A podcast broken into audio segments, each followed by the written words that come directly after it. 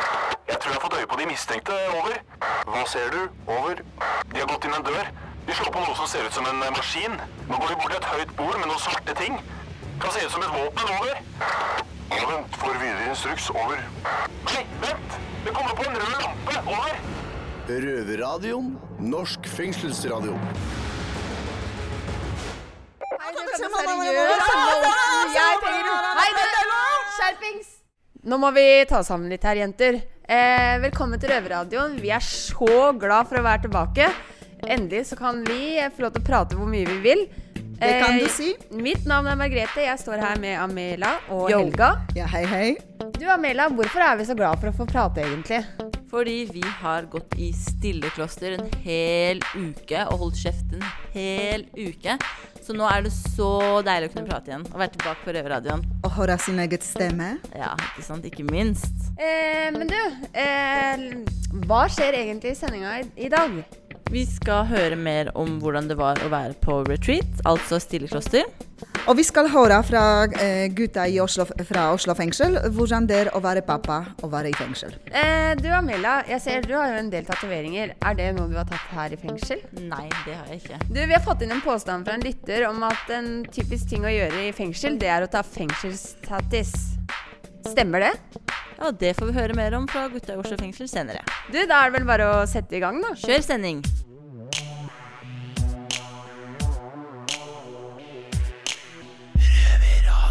Du hører på Røverradioen ifra Indre Østfold fengsel. Jeg har med meg Geir i dag. God dag, god dag. Eh, Geir, eh, kan ikke du starte med å fortelle meg litt? Du har jo sona nå i ni år. Eh, hvordan har dette vært? Det har vært langt. altså, ja, ni år, det begynner å, det begynner å bli en stund. Det har jeg en forståelse for. Det er jo nesten en tredjedel av livet ditt. Det stemmer. Jeg er eh, 31 nå. Altså, jeg blei eh, satt inn Jeg hadde akkurat fylt, eh, fylt 23. Blei satt inn i Oslo fengsel. I påvente av rettssak og alt mulig rart rundt det. Endte jeg opp med en dom på 17 år. Eh, hva gjør det med deg siden du har sittet i ni år, da? Nei, egentlig ikke. Altså, For meg så føles det som tiden har eh, gått veldig fort. Men det er fordi at vi har ikke noe Altså, Når man sitter inne veldig lenge, så har man på en måte ikke noe events å, å feste minnet til. Så det føles ut som alt går i ett. da.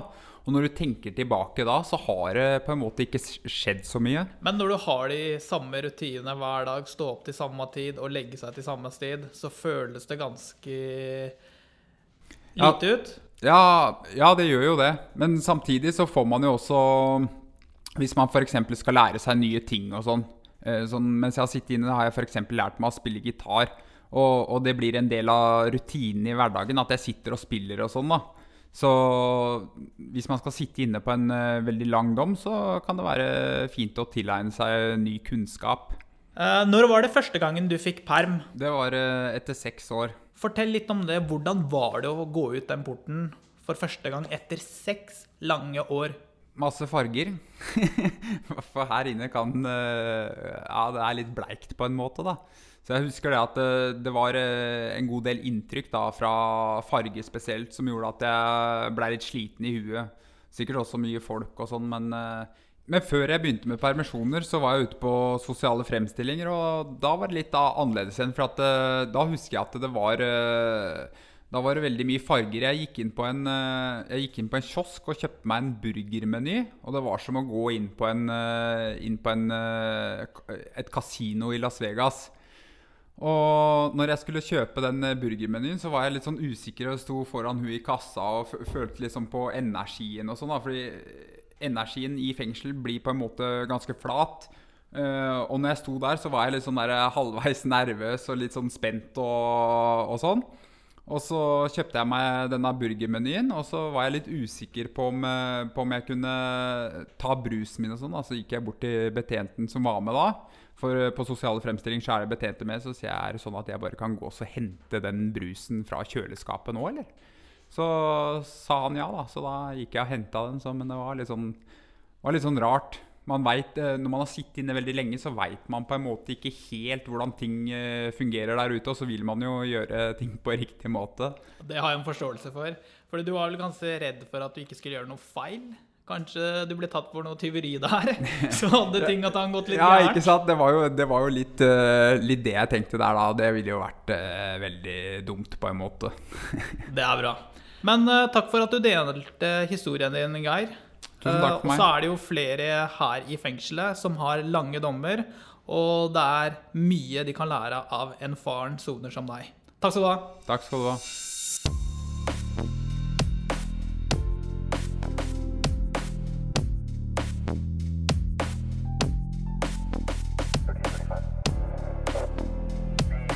Savannah Boulevard on ramp.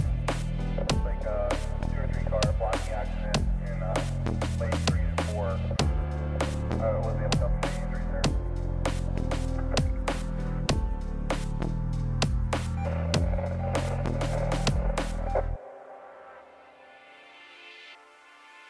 Vi har snakket om eh, tatoveringer før, og det er jo kanskje naturlig, for vi er jo i fengsel. Jeg heter Ola, og jeg jobber her i Røverradioen. Har med meg eh, Havald Jo. og Tim. Sjo. Sjo, sjo. Du, vi har fått en ny myte på Facebooken vår som handler om tatoveringer, og det er jo forskjell på tatoveringer. Nå begynner de å bli så mangfoldige her ute i samfunnet at dere sikkert mista litt av sjokkeffekten, men det er jo én tatovering som er tøffere enn alle andre. Og det mener iallfall Marius da, som har sendt inn denne myten, og det er ansiktstatoveringer. Og jeg ble veldig glad, for du, Tim, har jo ansiktstatoveringer, og du er helt ny. Stemmer det? Så nå kan vi faktisk snakke om dette. Ansiktstatoveringer. Jeg husker i hvert fall fra da jeg var liten, så var det en sånn notorisk fyr i bygda mi som hadde sånn tribal under øya. Sikkert eh, inspirert av Mike Tyson. Jeg var dritredd av han. Burde jeg være det? Nei. Nei, men jeg tror ikke det er så smart å ta tatovering i ansiktet hvis du er kriminell. i hvert fall. Nei, det er ikke det. Du blir fort gjenkjent. Ja, det, det skal vi komme litt tilbake til. Men det Marius eh, lurer på, da, eller skriver, at det, det med ansiktstatovering er for farlige folk, liksom. Det, er- da, da har du tatt et livsstilvalg. Det er ingen normale folk i hermetegn da, som Ja, Man tar kan se litt farligere Altså, ansiktstatovering. ut enn eh, andre. Ja, s- ja, er du enig? Lite grann. Hvorfor tror du folk gjør det, Tim? Du har jo en sjøl. Ja, det, grunnen til at jeg tok den, var vel fordi jeg var altfor høy på dop og livet. Eh, altså, det var jo ikke noe smart valg, egentlig. Hva er det du har for noe i ansiktet? Jeg har en hashtag under øyet. Ja, Som du skriver på Facebook og Twitter? Ja, sånn. og fordi jeg røyker hasj. Så jeg prøvde å være litt morsom der. Jeg har dobbel ah, mening. er det det det skal bety? Hashtag. Hasj, ja. Hashtag. ja. For jeg har hørt om den tåra før. Hva, hvis du har tatt ei tåre under øyet, hva er det du har Mm. Du gjort? Ja, tar men- til igjen, da. man sitter i fengsel, og, Ja, men det betyr jo at du har drept noen. og du har drept noen. Ja. Ja. Og Mm. den tatoveringen min den har jo ingen betydelse sånn sett. Du har tagga noen. Hva tenkte du når du skulle ta den der, da? Ikke peiling, altså. Nei. Det var Ja. Men det er jo en vond plass å tatovere, da, er det ikke? Nei, det var ikke det. Det var ikke det. Jeg har jo Hvorfor skal du tatoveringer selv, men ikke på ansiktet. Nei. Ja, Jeg hva, har hva, det. hva- kunne du tatovert ansiktet? Nei, jeg tror jeg hadde tenkt meg gjennom to ganger før jeg hadde gjort, gjort det. Men er det så farlig, da, liksom, å ha en eh, tatovering i ansiktet? Ja, Hvis folk du... kan dømme deg, vet du. Rett Ja. og slett. Man kan bli forhåndsdømt. Jeg trodde tatovering hadde blitt så stuerent jeg, i 2018. Ikke i ansiktet. Nei. Nei. Nei, det er ikke det. Men jeg er ikke noe farlig redd for det. Det, det vil Nei. jeg ikke påstå. Dummere, kanskje. Men eh, hvorfor er det så mange kriminelle som har ansiktstatovering, da? Jeg veit ikke, altså. Det er en trend som er ute og går, da. ja. Rett og slett. Det er eh, tøft, kanskje. Og det er kult, ja. Det er litt fryktinngytende, sånn Og Det er en trend, som du sier. Det er vel det er visse ting, sånn som den tåren. Det betyr noe. Så de fleste som har ansiktstatoveringer, tror jeg det har en betydning. Ja, for Du var litt inne på det i starten, Havalle. Det er jo litt sånn ironisk at når du driver med ting som er ulovlig, og at du vil kanskje unngå oppmerksomhet, Ja, ikke bli gjenkjent, og så tatoverer du deg i trynet. ja altså, du blir jo gjenkjent om du tatoverer i trynet. Om du gjør noe krim eller gjør noe dumt, da. I hvert fall hvis du er fortsatt i den krimverdenen. Så det blir vanskelig for deg å unngå oppstillinger på politihuset nå, hvis de har Ja. beskrevet en gjerningsmann med hashtag under øyet. Ja, jeg har ikke sett så mange andre som har det, så ja. det blir litt vanskelig å rømme fra den. Men eh, tror du de prøver å markere det, markere det seg sjøl på noe vis da med å ta den ansiktstatueringen, at det er litt sånn opprør mot eh, samfunnet? Når det å gro håret ikke er godt nok lenger, eller å ta en persing i nesen.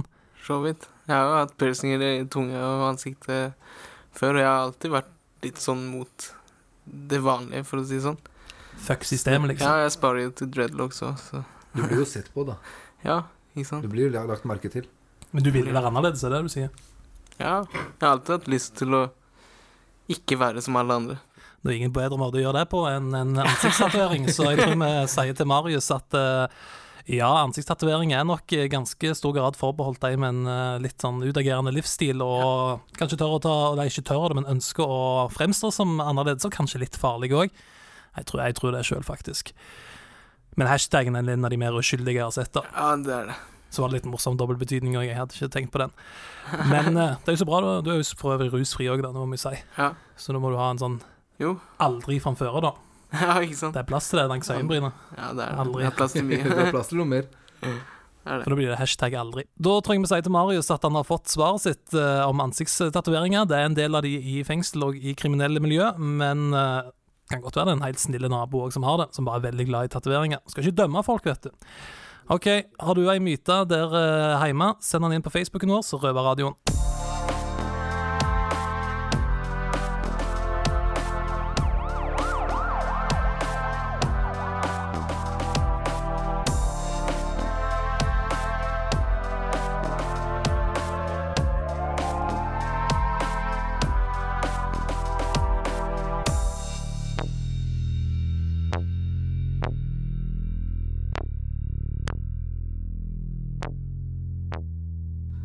Hadde du klart å være helt stille i en uke uten stimuli, ingen TV, ingen radio, ingen distraksjoner, kun deg og dine tanker? Den siste tiden har de innsatte på Bredtvet testet ut retreat, hvor man nettopp skal være en uke i stillhet for å jobbe med seg selv. Røverradioen. Eh, Jeg tror at du får tid til å tenke de lange tankene.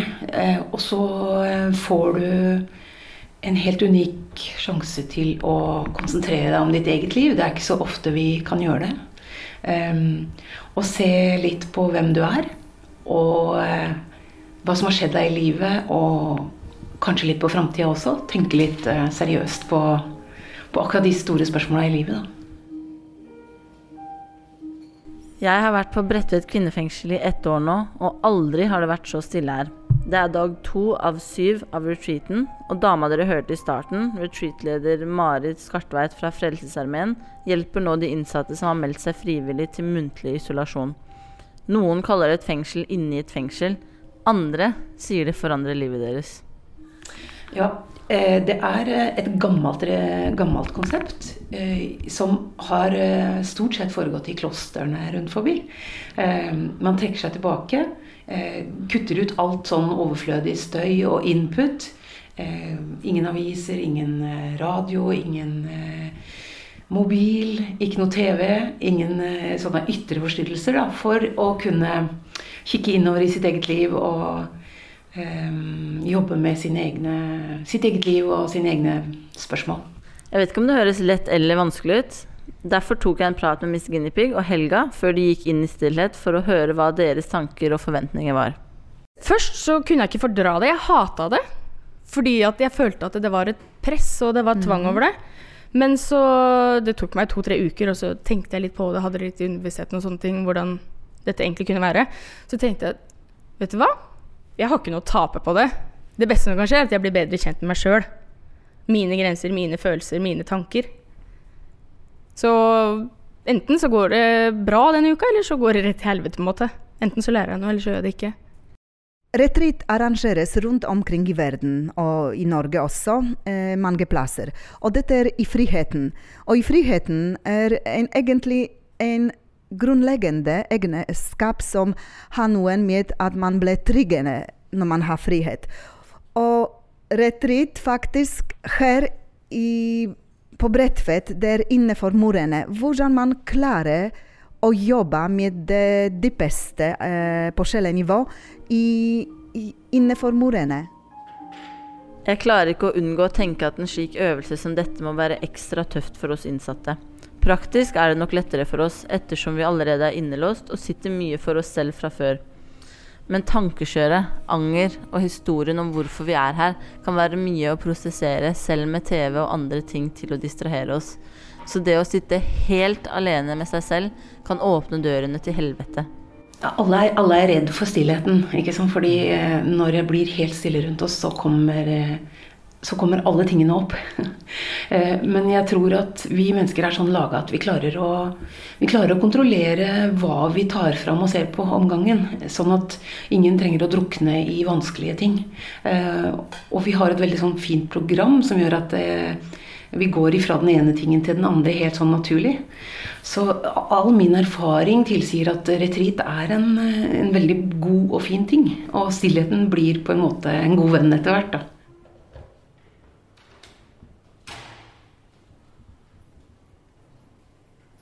Det er tirsdag, dag to av retreat på Bredtvet.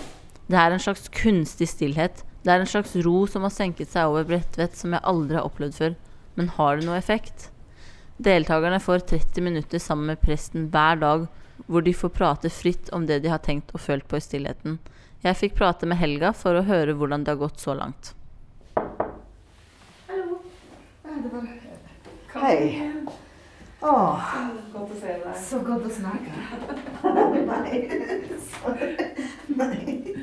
Akkurat nå så tenker jeg at eh, Og da visste jeg at jeg skal kunne snakke fritt. Men jeg tror at retreaten hjelper meg til å veie ordene på gullskala skala på en måte. Hvis jeg visste alt dette før, så ville jeg ikke vært her, f.eks. Det er ingen tvil om tankene og teoriene bak retreaten er bra, men har deltakerne fått noe ut av det? Kom de nærmere Gud? Ble de bedre kjent med seg selv og problemer de selv kanskje ikke visste at de hadde? Det har nå gått noen dager siden stillheten ble brutt på Bredtvet, og Helga og Miss Guinea Pig hadde, naturlig, mye å si. Nei, det var veldig, veldig deilig. Veldig befriende. Jeg fikk ha stearinlys på rommet mitt. Og det var så deilig å bare se flammen bare bevegde seg i den lille vinden som var der. og... Altså, ingen sa noe, men det var liksom sånn der, prøvde å liksom dulte litt borti eller bare vinke altså bare for å få kontakt. Bare 'Jeg vil ha den! Jeg vil ha den osten der! Kan du hente ostehøvel også?' Uten å si det. Så nei, det var eh, Det var veldig nært. Jeg knakk jo i luftegården. Og jeg sto og hvinte og hyla i en halvtime. Fordi at det skjedde en reaksjon hos meg som ikke jeg ante noen ting om skulle komme. Så det, det var ganske sterkt. Det var veldig spesielt. Eh, Men å være i stillhet det er en velsignelse for at man får kontakt med de indre følelsene sine. Og ikke minst eh, kan man eh, se på den menneskelige medspillet hvor man eh, kan sanse mer på det nonverbale språket som har med kommunikasjon å gjøre. For at det ikke er viktig som egentlig personen sier, det som personer viser og handler, det, det var en ganske sterk opplevelse for meg. Røverradioen. Reporter i dette innslaget var Amela.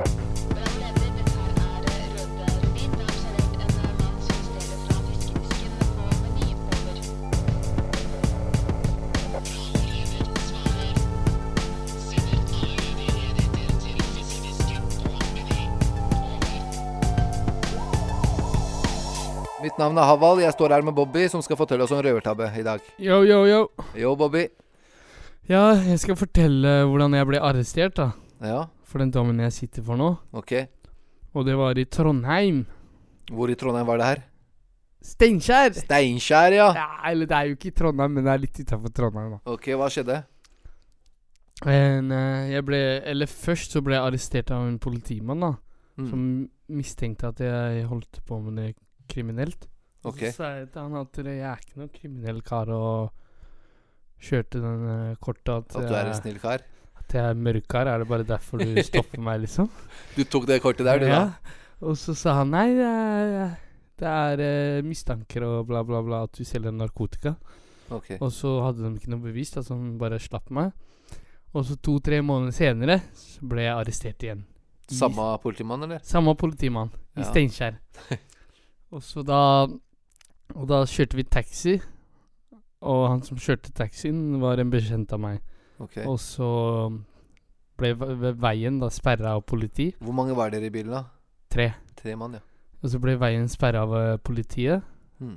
Hele veien liksom foran og bak oss. Ja, Hvorfor det? Fordi de skulle arrestere oss. de mente at, eh, ja, at det var noe kriminelt på, Hadde på, radio på gjort noe gang. Da. gærent? Ja. Hvor mange politifolk var det som sto der, da? Utafor bilen? Det var eh, en politimann hver dør. Så det var fire dører, og så Mm. var det fire politimann, og så var det flere som eh, sto i veien, da. Men Hva tenkte du med en gang når du så de politifolka? Men jeg tenkte at eh, nå er det over, nå ble jeg tatt, så jeg får gjøre det beste jeg kan med det. Ok. Og så hadde jeg stoff i bilen, da. Hva var det du hadde i bilen, da? Jeg hadde en pose med amfetamin. Ok. Og så hadde jeg en sånn vakuumpose, da, eller vakuumpakke. Som det stoffet var pakka i? Ja. Ja. Og det var vanskelig å få det opp, så jeg måtte begynne å brenne vakuumet for å få det opp.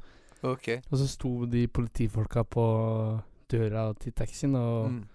mente at taxisjåføren skulle åpne døra, sånn at de fikk arrestert oss. Ok. Og jeg sa til han eh, taxisjåføren at eh, du må vente til vi er klare før du åpner dørene. og så åpna han døra, da. Ja. Og idet han åpna døra, så åpna han politimannen døra mi, da, for å liksom ta tak i meg. Ok. Og så Idet han åpna døra, da, så bare kasta jeg masse amfetamin på han og Mm. begynte å løpe og helle det ut. Og Så han politimannen ble helt hvit, eller? Ja. Han ble helt eh, Han Sjokk, stoppa, han sikkert. løp ikke etter meg engang fordi han eh, drev og vaska trynet sitt og sånn. Ai, ai, ai. Mm. Hva skjedde så? Ja, jeg løp og løp og løp, men så visste jeg ikke hvor jeg skulle, så jeg bare stoppa til slutt. Ble ikke han politimannen irritert? Jo, han ble det. Ja, Bobby, syns du at du, hadde- du behandla politimannen bra? Nei, jeg syns ikke det. Jeg var litt, eh, jeg var litt grov. Det er vel ikke noe kult å få en eh, pakke men man ikke veit hva det er, midt i ansiktet? Nei, det er sant. Men eh, jeg måtte gjøre det jeg måtte gjøre, og jeg angrer på det. Takk for at du delte med oss, eh, Bobby.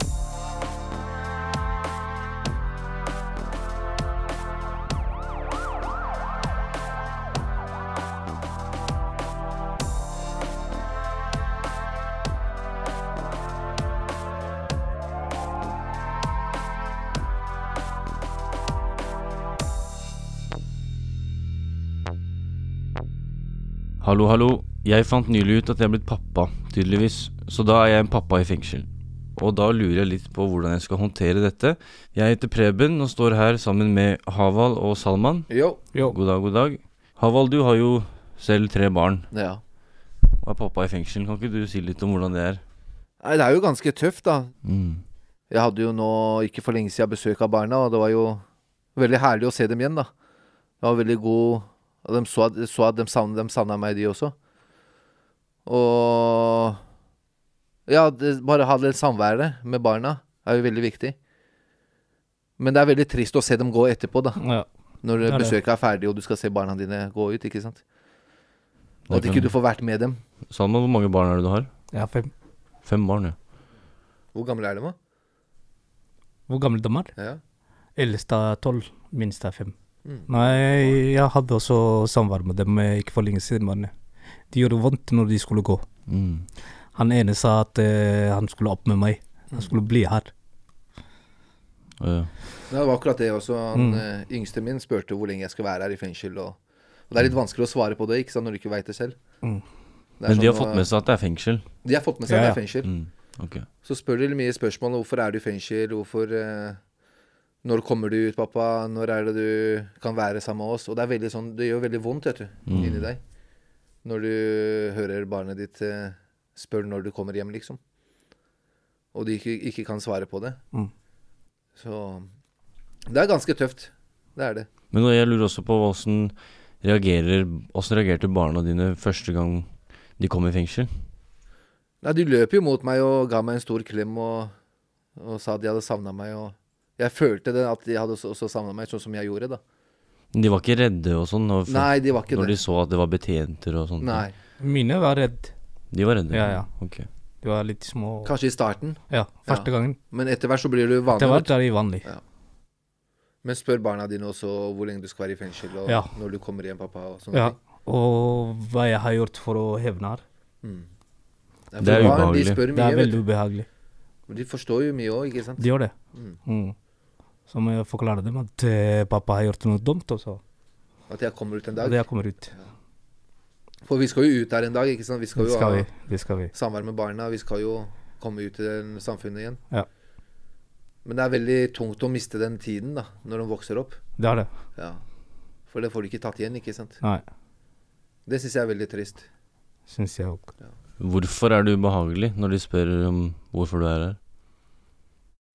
Det er litt ubehagelig at eh, ungene dine spør deg Og du veit hva du har gjort for å hevne her. Mm. Ja. Du vil ikke at de skal vite det? Nei. Kjenner dere noe på skyldfølelse overfor barna? Ja. Absolutt. Du går glipp av den beste tida med dem. Jeg gjør det samme selv, altså. Det, det er veldig viktig tid å, Mm. å se dem vokse, liksom. Når de ikke er der i, på flere år, da. Mm. Du ser liksom barna dine vokser, og de har bursdager, og de begynner på skolen. Og, sånn som dattera mi begynte jo på første klasse nå. Ja. Og jeg fikk ikke vært der, ikke sant. Og det syns jeg er veldig trist. Ja, hvordan føles det? Nei, jeg får litt sånn vondt inni meg, og litt eh, ja, lei meg, rett og slett. At ikke jeg får vært der eh, når de skal begynne på første skoledag. og... Mm. Så tenker jeg ok, men en dag kommer. Jeg ko- kommer til å få samvær med dem en gang til. Absolutt, selvfølgelig. Vi skal alle ut en dag. Mm. Ja, for jeg har selv lyst til å kunne få til et besøk av min sønn. Mm. Han er jo fem år. Jeg har aldri sett han. Men du fant ut nylig nå, eller? Jeg fant ut det i sommer. Mm. Men hvordan føltes det å finne ut etter så lenge? Det er veldig rart. Det Jeg kan ikke akkurat si at jeg savner han, eller noe sånne ting, for jeg har jo aldri Du har aldri hatt kontakt med han? Jeg har aldri jeg har bare sett ham på et bilde. Mm.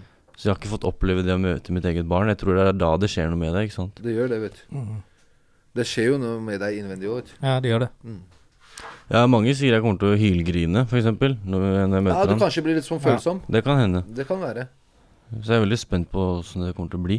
Men jeg, også, jeg tror jeg trenger litt sånn Hva tror dere jeg burde Jeg har litt sånn For sønnen min har jo Har jo ikke hatt noen far i fem år. Mm. I fem år. Øh, og så er det en betjent i Oslo som sier at du burde ikke ringe nå. Vent til du har kommet ut. Vent med ditten, vent med datten. Men jeg fikk ikke lov til å se faren min fra jeg var to til 15. Mm. Og da måtte jeg finne han selv. Moren min sa nei, du får ikke lov å møte han. Det var ikke noe bra for meg. Nei. Å måtte finne ut det i sen alder. Hvem faren min var. Han var kriminell, han òg. Ja, Jeg mener at du skal ta kontakt med Det mener jeg òg. Med en gang. barnet ditt, liksom. Med en gang. Så at du kan begynne å få samvær og Men jeg kan jo begynne nå. Det er jo nå du, må jeg er jo, du må jo edru. stole på deg selv, og stole på Ja. dine følelser og hva du tenker, da. Og hva jeg kommer til å gjøre når jeg kommer ut. Ja. Hvis du har lyst til å stille opp for ungen din, så syns jeg du skal ta kontakt med Mm. barnemoren og snakke om med henne. og Prøve å ordne en samvær og prøve å ordne en sånn dialog mellom dere. Men da gjør jeg det. Fordi Jeg syns absolutt du skal gjøre det. Det syns jeg òg. Og du har selv opplevd at eh, du kjente ikke faren din Ja. til du var eh, 15 år. Mm. Så du veit hvordan det er. For man må, man må ta noe valg også når man har barn òg. Mm. Det er noe eh, livsmønster du må kutte, liksom. Ja. Du må jo begynne med noe helt noe annet. Mm. Hvis du er i en gjengmiljø eller i en dårlig kriminelt miljø, da, så er ikke det så bra når du har barn, vet du. Man må komme seg ut av den sirkelen. Ut av den der kriminelle verden. Mm. Greit. Takk for rådet, gutta.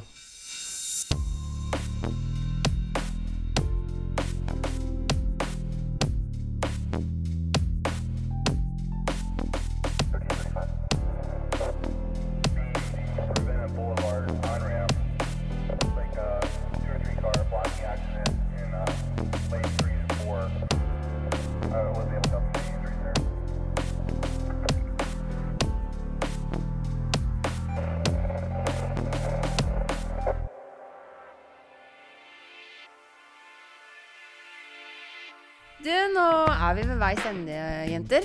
Eh, er det noe spesielt dere har lyst til å kommentere eller la merke til i sendinga i dag? Ja. To ting jeg har lyst til å kommentere. For det første, hvis dere der ute får tilbud om retreat noen gang, ta sjansen. Det er absolutt verdt det. Du trenger å holde kjeften hele uke.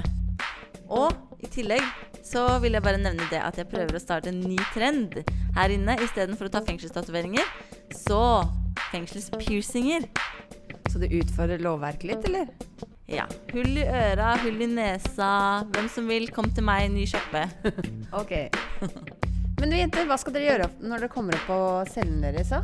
Nei, jeg skal bruke anledningen til å lage meg litt tunfisksalat, i hvert fall. Og visste dere forresten at det er det som innsatte ha- handler mest når de handler varer? Pluss Risla. Ja, og jeg skal eh, snakke med meg selv, for at der, der, eh, etter retreat så har jeg behov til å snakke høy. Skjønner, skjønner. Ja, nei, da takker vi for oss. Ciao! Ha det på badet! Ha det. Det har vært stille fra over en time. Hva skjer? Over. Det er bare et radioprogram. Det er lettere å høre på dem der. Over. Ja, vet du når det går, da? Over. Det er samme tid og samme sted neste uke. Over.